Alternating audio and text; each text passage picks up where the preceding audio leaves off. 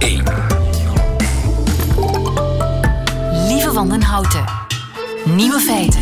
Dag, dit is de podcast van Nieuwe Feiten van 9 februari met deze nieuwe feiten.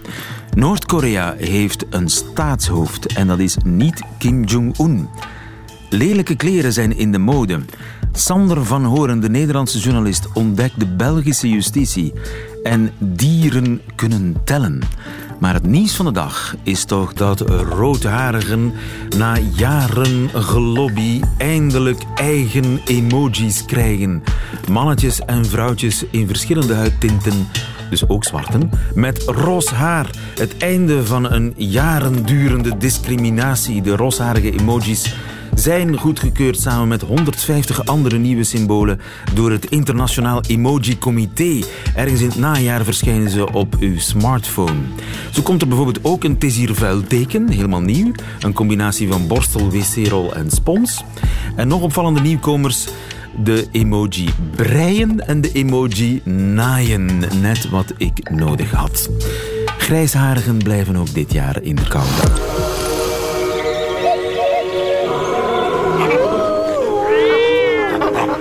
Nieuwe feiten. Dieren kunnen tellen. Orca Wiki bijvoorbeeld, die in gevangenschap leeft in Zuid-Frankrijk. One, two, three. Dat is de begeleider.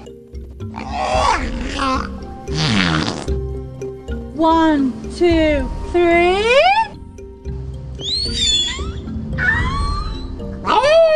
Ja, ja. Indrukwekkend. Dirk Drouwlands, goedemiddag. Dag lieven. Kunnen orka's tellen? Nee. Ze kunnen vooral stemmen imiteren, heb ik het idee. Ja, voilà, ja, ja. Dit, is, dit is iets dat uh, heel apart is en uh, dat, dat gaat ja, nabootsen. Waarmee dat ik niet wil zeggen dat het uh, niet kan, dat orka's op een bepaalde manier wel kunnen um, hoe, met hoeveelheden rekening houden. Hè. Mist er iemand uit de groep of zo, ja, ja. Um, dat, gaan ze wel, dat gaan ze zeker wel kunnen zien. Maar tellen, dat is een beetje overdreven, denk ik. Het was dus ook vooral het, het stemmen imiteren en ze, en ze praten via hun blaaspijp, hun blaasgat. Dat is ja, met, met, compleet met, met ons toch, ja. ja. Met, met, uh, met elkaar doen ze natuurlijk wel een hele hoop andere, andere ja. dingen, kwestie van communicatie. Maar er is voor zover dat ik weet, uh, lieven, maar één uh, studie die echt aantoont in het wild dan nog, want de meeste van die experimenten gebeuren met dieren in gevangenschap, maar in het wild, dat een dier op een bepaalde manier kan tellen. En dat is iets dat uh, uh, vorig jaar verschenen is over de Tungara-kikker.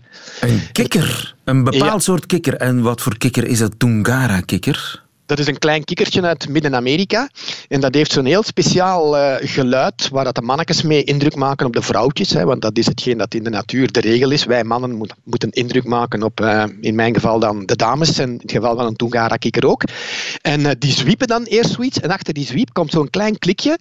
En dat, dat wij amper horen. Maar dat blijkbaar voor die dieren van groot belang is. Want als er dan een andere mannelijke kikker begint tegen te roepen, hè, tegen een ander, dan doet hem daar een klikje bij. En ze kunnen zo tot zes, zeven klikjes gaan. En de vrouwtjes die zitten te luisteren, die kiezen per definitie degene die het meeste klikt.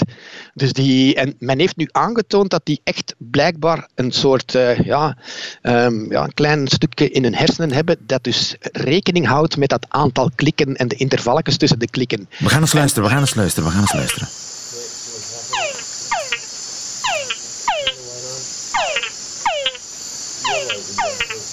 En dus het vrouwtje moet het aantal klikjes tellen.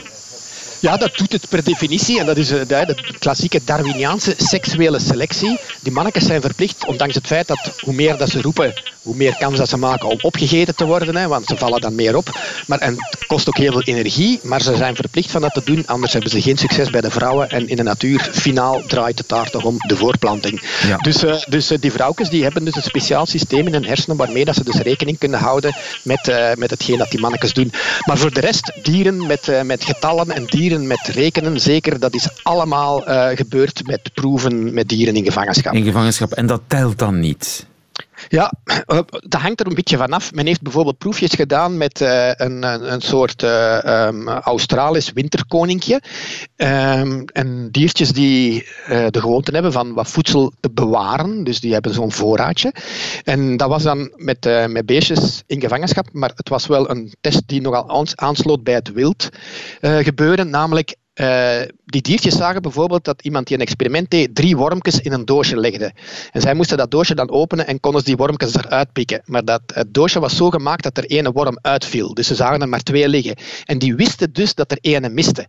Dus ze hadden gezien, er, zitten er, drie, er worden er drie ingelegd, er worden er, ik zie er maar twee. Waar is die een derde? Ze begonnen de derde te zoeken. Ja, voilà, ja. En dat heeft waarschijnlijk te maken met het feit omdat die in de natuur voorraadjes maken en dat die op een bepaalde manier moeten kunnen evalueren of dat er daar ergens een dief in de buurt zit en dat er dus dingen uit hun voorraadje verdwijnen zonder dat zij het zelf opgegeten hebben. Dus daar moet dan voor de diertjes toch een incentive zijn om op een bepaalde manier met aantallen rekening te houden. En dat waren winterkoninkjes? Ja, een soort, Amerika een soort Australisch uh, winterkoninkje. Ja, maar in maar gevangenschap, dus dan is dat eigenlijk niet helemaal, de bewijskracht daarvan is niet helemaal 100 procent. Ja, dit is nog denk ik redelijk acceptabel, zoals ook experimentjes gedaan hebben met spinnen die min of meer blijken te weten hoeveel uh, prooien dat ze in hun web hebben hangen. En als je er daar aan een paar uithaalt, dan beginnen die te zoeken.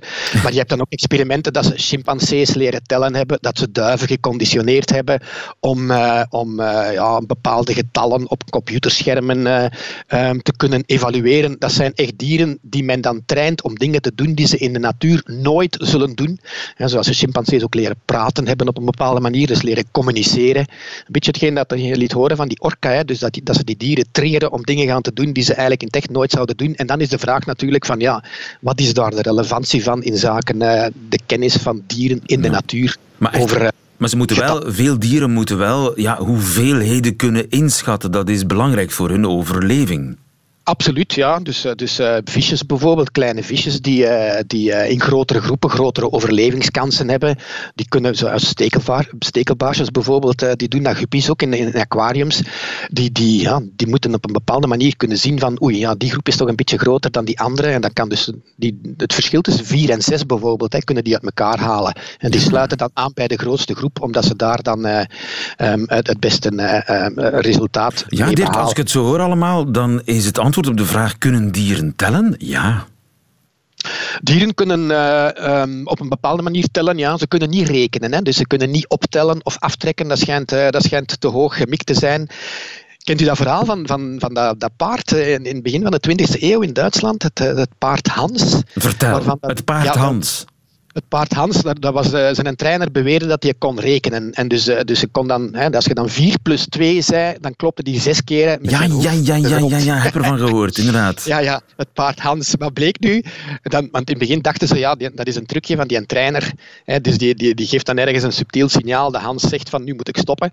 Maar hij deed dat zelfs ook. Zijn succes uh, was wel iets minder hoog, maar hij deed dat zelfs ook als uh, zijn trainer niet in de buurt was. Maar wat bleek, dat dier had dat ondertussen zo dikwijls gedaan dat je dus zag aan de lichaamstaal van de mensen die stonden te kijken van dat hij moest stoppen, want dat hij de uitkomst had bereikt. dus, dus ik, die kon niet tellen, maar, maar die communicatie-inschatting van, van die, dat paard was van die aard ja, dat hij echt ja. stopte op het juiste moment. Dus rekenen niet, tellen af en toe. Ja, voilà, Zoiets. Ja. Dankjewel, ja. Dirk Drouwlands. Goedemiddag. Nieuwe feiten.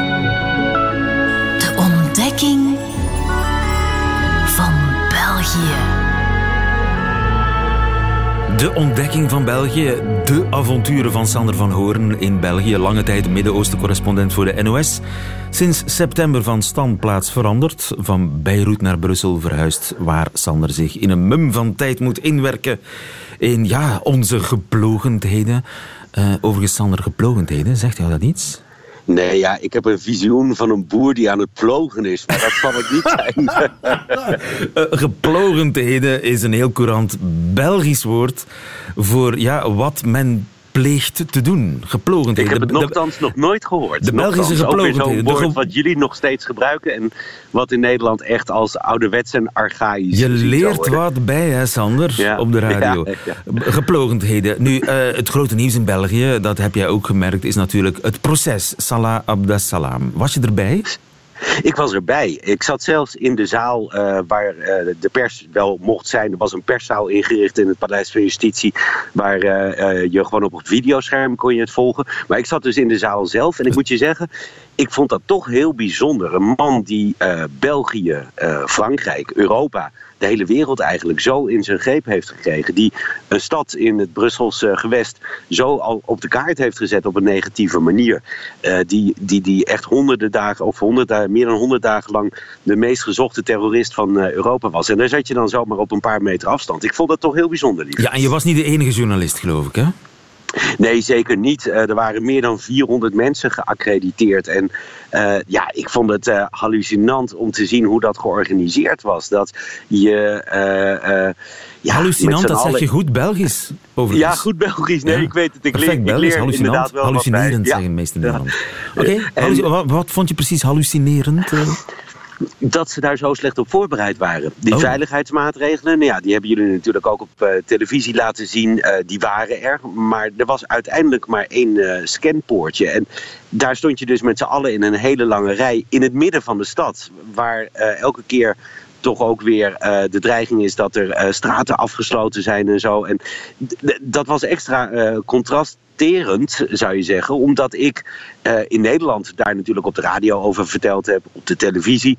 Maar ik was niet de opening van het nieuws, niet het belangrijkste proces, want het belangrijkste proces in Nederland dat was natuurlijk het proces tegen Willem Holleder. En ja, in Amsterdam hebben ze het toch anders geregeld. Daar hebben ze natuurlijk de rechtbank in de stad. Maar bij dit soort grote zaken, terrorismezaken, belangrijke criminelen. Hè, want Willem Holleder, voor uh, wie hem niet kent, dat is een, uh, nou ja, ongeveer de bekendste crimineel van Nederland. Uh, zat achter de ontvoering van Freddy Heineken, heeft daar ook voor in de gevangenis gezeten. Nou, staat nu voor een andere zaak weer terecht. En dat gebeurt dus aan de rand van de stad. In een speciale rechtbank voor dit soort grote zaken. Ja, en daar kun je dus uh, uh, beveiligen uh, wat je wil zonder dat de rest van de stad daar last van heeft. Daar dus de Nederlanders iedereen... hebben het weer veel beter georganiseerd. Dat is eigenlijk wat je bedoelt. Nou ja, sterker nog, ik, ik, vroeg daar op een gegeven moment naar bij de president van het Paleis van Justitie in, in, in Brussel. Van, van, is dat niet een idee voor, voor jullie ook? Om het gewoon, bij wijze van spreken, een, een zaal in de buurt van het atomium waar, waar niemand er last van heeft. Ja, en hij, hij had er wel oren naar. U sprak over Amsterdam en een gebouw speciaal opgericht aan de rand van de stad. Goed, maar men kan zich onmiddellijk de vraag stellen: is het gemakkelijk bereikbaar voor iedereen? Als dat zo is, heb ik, heb ik geen enkel probleem. Voilà, Luc Enaar van het eh, Justitiepaleis in Brussel heeft geen enkel probleem om een. Uh, een proces dat heel veel aandacht uh, lokt en heel veel journalisten lokt om dat ergens uh, meer aan de rand van de stad te doen. Dat is nieuws. Dat is nieuws. En kijk, wat, wat hij wel zegt, wat hij het meest belangrijk vindt, en dat vind ik wel heel charmant, is uh, hij, hij wil wel dat het openbaar blijft. Dus het publiek, dat moet daarbij kunnen, fysiek, het moet bereikbaar zijn, maar ook het, de, hij, hij verzet zich er bijvoorbeeld tegen, waar ook wel eens sprake van is, om dit soort processen in de gevangenis zelf te doen. En daar verzet hij zich tegen, want dan is die openbaarheid, die hij heel belangrijk vindt, functie van openbare rechtspraak uh, in, een, in een rechtsstaat, die is dan niet gewaarborgd. Dus, maar aan de rand van de stad zo'n gebouw zoals we dat in Amsterdam hebben. Ja, dat, uh, dat ziet hij wel zitten. En ja, terecht ook, want dat wij erbij kunnen zijn, uh, ja. de pers, maar ook de nabestaanden. Niet alleen van de aanslagen in uh, Parijs, maar ook die van de aanslagen in Brussel. Ja, dat is natuurlijk heel belangrijk, want ja. ik had dat gevoel al van het is bijzonder om die man ja, niet eens ogen te kunnen kijken, want hij heeft niet omgekeken. Maar ja, kun je je voorstellen hoe dat is voor de nabestaanden van uh, de aanslagen bij Zaventem en, en uh, Maalbeek. Dat is belangrijk voor het verwerkingsproces, maar je moet er uh, wat voor over hebben in Brussel. Hoe lang heb jij staan aanschuiven voor je binnenkomt? Nou, het is een beetje wisselend. Uh, maar kijk, ik was er nog op tijd. Dus dat ik anderhalf uur in de rij moet staan, ja, dat is één ding. Maar ik stond, stond naast advocaten die uh, me vertelden dat ze gewoon voor een hele reguliere zaak uh, kwamen. Maar die moesten ook in diezelfde rij staan voor die ene scanner. En ja, één advocaat die zei ook: Ik heb een proces dat begint over een half uur. Dat begint over een kwartier. Dat begint nu dat begint een kwartier geleden. Dus die man, die was niet zo heel erg blij. En ja, ik, nogmaals, ik zei het al eerder, dat vond ik dus hallucinant dat er voor zo'n proces, waarvan je weet dat de 400 journalisten uh, geaccrediteerd zijn, dat er normale zaken in het Paleis van Justitie doorgaan. En dat je dan maar één scanner neerzet. Maar, zegt Luc Renard, dat heeft niet aan ons gelegen. Die discussie heeft me natuurlijk aangekaart. En onder andere, uh, uw dienaar heeft het voorstel gedaan. Maar kijk, uh, laat ons dan verschillende rijen uh, plaatsen. Hè? Vijf, zes scanstraten, zoals men die noemen.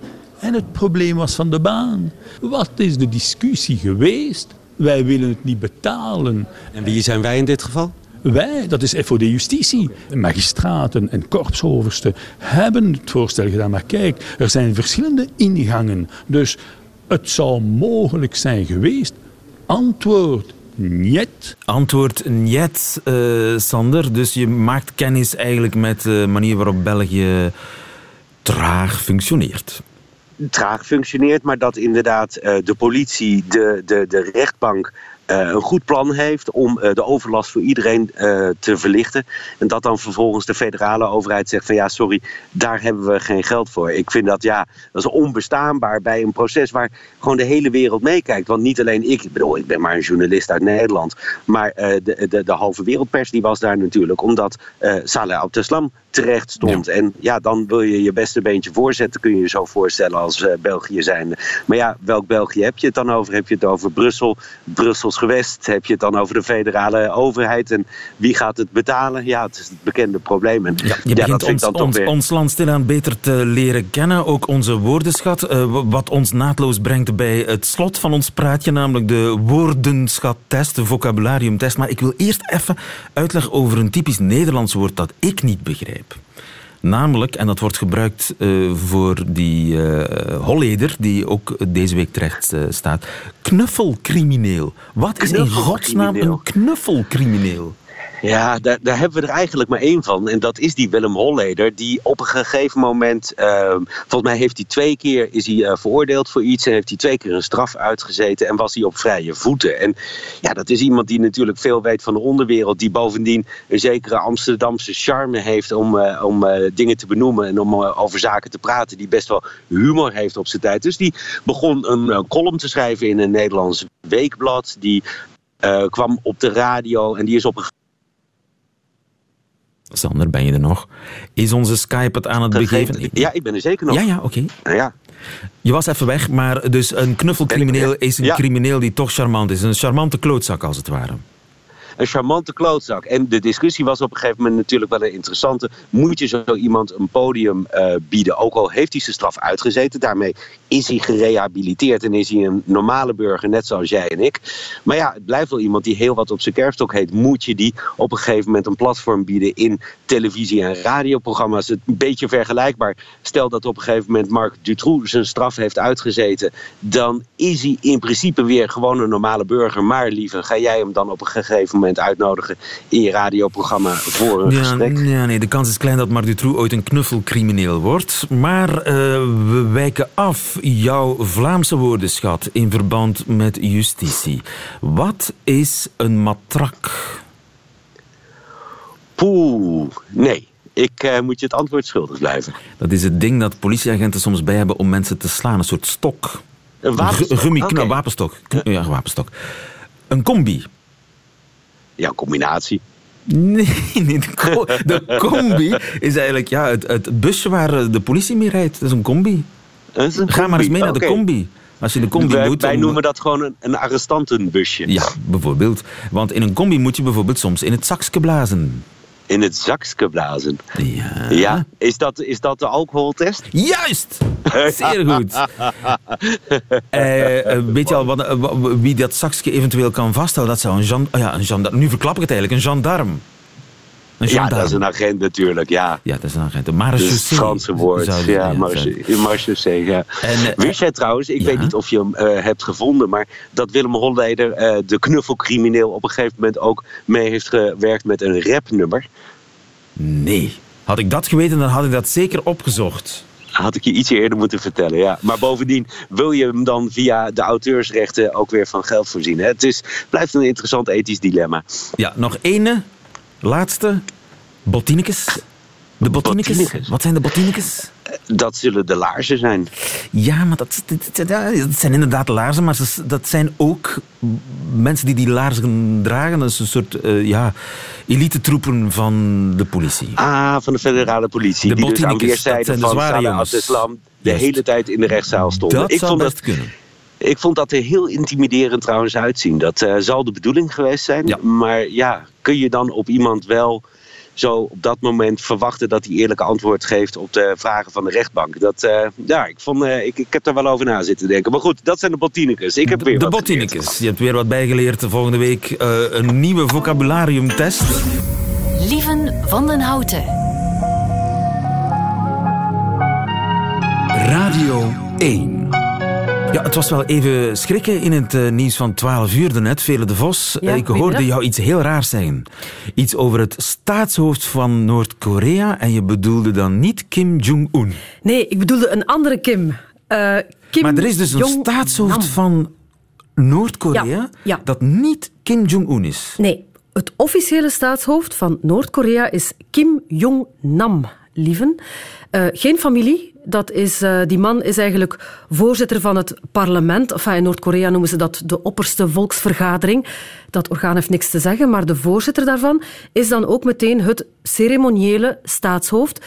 De man die dus ja, de ceremonies leidt. Bijvoorbeeld als eh, de vorige Kim, de vader van de huidige Kim, overleed, leed, eh, leidde hij de ceremonie. Hij begeleidt ook het staatshoofd, of hij begeleidt ook, nu ben ik fout, hij begeleidt ook de leider, Kim Jong-un is dat dan, eh, mee naar het buitenland. Alleen gaat Kim Jong-un niet naar het buitenland, dus gaat hij alleen. Dus Kim Jong-un gaat eigenlijk bijna nooit Die naar gaat het nooit naar het buitenland? Nooit, gewoon nooit. Die is, nee, die is opgevoed in Zwitserland, maar voor de rest eh, leeft hij in Noord-Korea en hij reist ook niet. Hij stuurt dus Kim Jong-nam, die dus het officiële staatshoofd Naar Pyeongchang, is. naar Zuid-Korea, naar de eh, winterspelen. Ja, het Ja. wordt ingewikkeld. Ehm, want dat is het officiële staatshoofd. Kim Jong-un is officieel, ik heb het even opgezocht, voorzitter van de Nationale Defensiecommissie van de Democratische Volksrepubliek Korea. Dat is dus het leger, neem ik aan. En dus in de praktijk is hij de leider, maar hij is niet het staatshoofd. Dat Ja, is ja. Kim Jong-nam. Dus op papier is, eigenlijk, is Kim Jong-un gewoon de legerleider. Zoiets, ja. Ja, dat is zou dus je een verschil zeggen. tussen de papieren functies en de werkelijke Ja, functies. ja, die Kim Jong-nam, voor het geval je zou afvragen wie dat is, die is 90 jaar. 90? Eh, dat is een soort, een echte apparatchik. Als je hem ziet, heeft van dat mooie zwart geverfde haar, zoals ook het communistische Chinese leiders dat doen. En die heeft al drie generaties Kims overleefd. Dat is toch wel heel opmerkelijk, denk ik, dat hij dat voor elkaar heeft gekregen. En die leidt dus nu de Een hele... Queen Elizabeth. Ja, iets in, ja, van die generatie. Ja, inderdaad. En hij leidt nu de delegatie in Zuid-Korea, waar hij helaas een beetje in de schaduw staat van de eh, zus van Kim Jong-un. En dat is ook een Kim, sorry, ik weet het. Tot overmaat van feestelijkheid heeft hij ook een zus. Ja, Kim, Kim Yo-jong, die is ook mee naar, Noord, naar eh, Zuid-Korea en die steelt daar nu de show, want daar is iedereen eh, staat in de spotlights. Eh, dus er komen heel veel verrassingen uit Noord-Korea deze dagen. Dankjewel, Vera de Vos. Nieuwe feiten.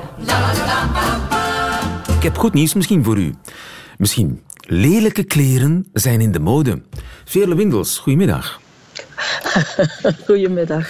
Modejournaliste bij De Standaard. Eh, ik zag knalgele crocs met plateauzolen die heel erg in de mode schijnen te zijn in de krant. Klopt dat? Knalgele? Ja, en zo erg in de mode dat ze al bijna niet meer eh, te vinden zijn, want ze zijn allemaal besteld door eh, echte fashionistas. Nochtans kosten de- ze hoeveel? Ja, 850 dollar zag ik vanmorgen nog eens. Ik heb het nog eens gecheckt om het zeker te zijn. Ja. Het zijn crocs zoals we die kennen, ehm, maar dan 10 centimeter hoger. Eh, en voorzien van allerlei leuke dingetjes aan de bovenkant. Ehm, ze zijn ontworpen door het huis Balenciaga. Dat wil natuurlijk wel wat zeggen. Eh, Wat maar wil ze zijn zeggen? ontworpen- Voor mij zegt dat ja, niks. Balenci- Balenciaga is een, grote, is een groot couturehuis eh, uit de vorige eeuw en een grote speler in de mode. En tegenwoordig heel erg hip, want aan het hoofd van het creatieve team staat Demna Gvasalia. Die naam zegt u misschien ook niks. Demna maar dat is Gvasalia. Demna Gvasalia. Gvasalia. Dat is een, een, jongeman, een jongeman uit Georgië die gestudeerd heeft, en nu komt het, aan de modeafdeling van de Antwerpse Academie. Oké. En die eh, school gelopen heeft onder meer bij Margiela, waar hij gewerkt heeft in Parijs. En Hij tekent zijn eigen lijn al een paar seizoenen, Vêtements. Die is erg succesvol uh, bij Mode Insiders. Daar is een, een, een publiek voor. Um, en hij is opgepikt door Balenciaga een paar seizoenen terug. Vrij snel na uh, de start van Vêtements hebben ze bij Balenciaga gezegd: ja, dit lijkt ons wel iets. Dit is wel een man die de bakens verzet, die dingen durft. En dat durfde Balenciaga ook wel. En dat was ook een game changer, zoals dat dan heet. En Gvasalia durft lelijke kleren te maken, lelijke schoenen. Ja, wat, wat jij dan lelijk noemt, of iemand anders lelijk. Wat is mooi en wat is lelijk? Dat is het interessante aan het verhaal. Uh, we zitten soms vast vast in ons hokje. We zitten vast binnen onze bakens en we moeten maar eens uh, die bakens verzetten, zegt zo'n Demna dan.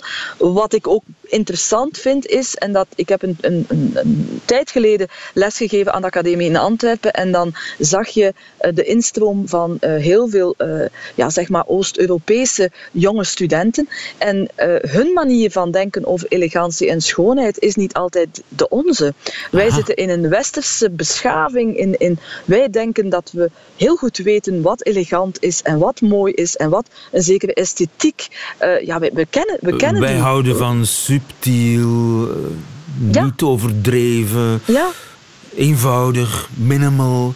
En ja. Oost-Europa is meer opzichtig, druk, felle kleuren. Maar ja, sowieso zitten we al, als we denken aan kitsch, hè, dan denken we veel vaker aan, aan, aan Oost-Europese dingen. Uh, de mix van kleuren, een mix van bepaalde stoffen, dingen die je niet verwacht bij elkaar, die je toch gaat bij elkaar zetten. Die Demna heeft natuurlijk dat mee van, vanuit zijn roots, zeg maar hij heeft natuurlijk ook zeer goed gekeken naar wat Maison Margiela doet. Want heel vaak uh, wordt hij gelinkt aan, aan dat gedachtegoed en aan die esthetiek van Margiela. Die ook wel dat soort dingen durfde. Hè? Ja. Een beetje, beetje bengelen op dat randje van de goede smaak. Ja. Maar dat maakt de mode net interessant. Ja, en het is altijd wachten op iemand die de, de dingen door elkaar schudt. Dat is nu eenmaal de Toch mode. Toch wel, ja, ja, Dat vind ik ook. En dat maakt het zeker voor een modejournalist interessant. Of ik ze nu zou kopen dat is weer een ander verhaal. Ja, maar wat is nu eigenlijk precies het verschil tussen hip lelijk en gewoon lelijk? Tja, dat is, dat is ook zoiets, ja. Want het, het, is, het is geen licentie om witte sokken weer te gaan dragen, toch? Hè? Nee, maar wie weet. Ik bedoel, de, de western boots is ook weer in de mode. En uh, ja, bepaalde mensen vinden dat ook uh, niet te doen. Dus ja, alles kan bij momenten. Maar het ding is, en daar baal ik soms van, uh, je, je moet het zogezegd dan snappen om het te weten. Hè? Want die, die, die tuinman, of, of ikzelf, ik heb ook wel crocs om mee in mijn tuin te lopen. Ja, wij doen die dingen aan omdat ze op dat moment uh, ons een zeker comfort geven, ook makkelijk zijn om in en uit te doen. Maar die, die mens die nu, die, die, diezelfde tuinman die dan die crocs van Balenciaga van 850 dollar zou zien passeren, ja, die, die zou wel even kijken, denk ik, en twee keer kijken. Want ja. wie heeft dan gezegd, dit is wel goede smaak en, en dat dan, die, de zijne dan niet? Ja, dat is een heel dunne lijn, vind ik persoonlijk. Oost-Europa chic. Ik zal erop letten als ik hem tegenkom op straat. Dankjewel. Die Europa, Oost-Europa chic, hè? die felle kleuren, die drukke dingen. Dankjewel, Veerle Windels. Goedemiddag. Graag gedaan. Ciao. Overigens, dit bericht komt nog binnengelopen. Het hele SpaceX-spektakel van Elon Musk is fake. Dat zegt tenminste de Flat Earth Society.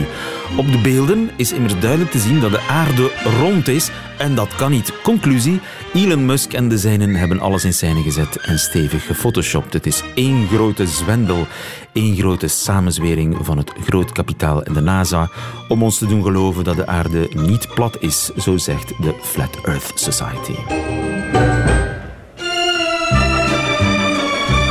Een gevoel van opluchting toch iedere keer, elke vrijdag als we het weer hebben overleefd. En alle nieuwe feiten zijn helemaal uitgeklaard en duidelijk geworden.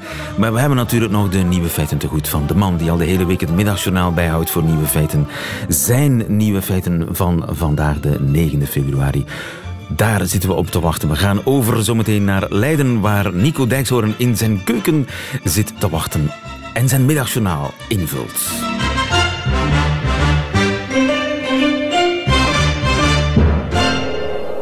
Nieuwe feiten. Middagjournaal. Beste luisteraars. Quincy Jones, de producer van andere Michael Jackson en zelf een hele beroemde jazzmuzikant, die zei deze week in een interview dat hij Toets Tielemans een van de beste muzikanten vindt waar hij ooit mee heeft gewerkt. En dat deed mij goed. Zoals u weet ben ik dol op Toets. Hij is er niet meer, maar ik was plaatsvervangend blij voor hem. Een echte Amerikaan in een land waar je met een vliegtuig naartoe moet en waar ze allemaal Amerikaans spreken en waar ze in hele hoge gebouwen wonen, die vond onze Toets Tielemans, die vriendelijke wandelende brilmontuurman, heel goed. Wat bewondering betreft leven we dus blijkbaar nog steeds in 1945. Als we een Amerikaan op een stukje kauwgom zien kauwen, vallen we bijna flauw. Dat voel ik nu ook een beetje bij het verhaal van Quincy Jones. Meneer is op zijn Amerikaanse troon gaan zitten om te vertellen wie er volgens hem nog toe doen en wie er niet toe doen. Toet Tielemans die krijgt van Quincy een 9 op zijn rapport, maar de Beatles komen er veel minder goed vanaf. Quincy Jones vindt Paul McCartney de slechtste bassist ooit. Die hele Beatles, Quincy, vindt ze maar matig. Verder vertelt Quincy Jones in hetzelfde interview 110 jaar oud te worden, omdat hij onlangs Zweeds boomschors in zijn aderen heeft laten spuiten. Dat over de Beatles, dat neem ik Quincy Jones kwalijk. Ik luisterde ongeveer een jaar lang naar de bas van Paul McCartney in het nummer Come Together op Sgt. Pepper, onvergetelijk.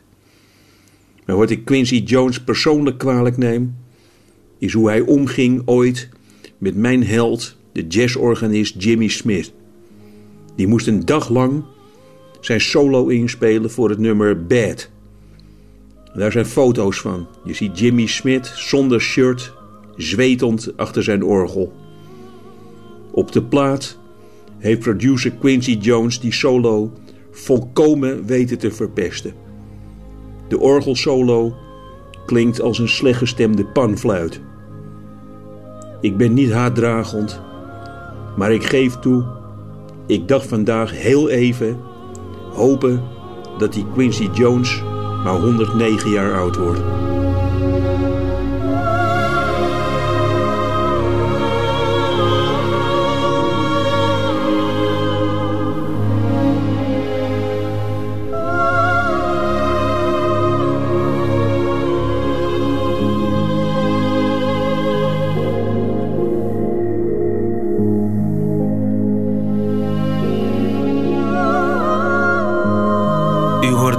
Podcast van Radio 1. Proef ook eens van onze andere podcasts. U vindt ze op radio1.be.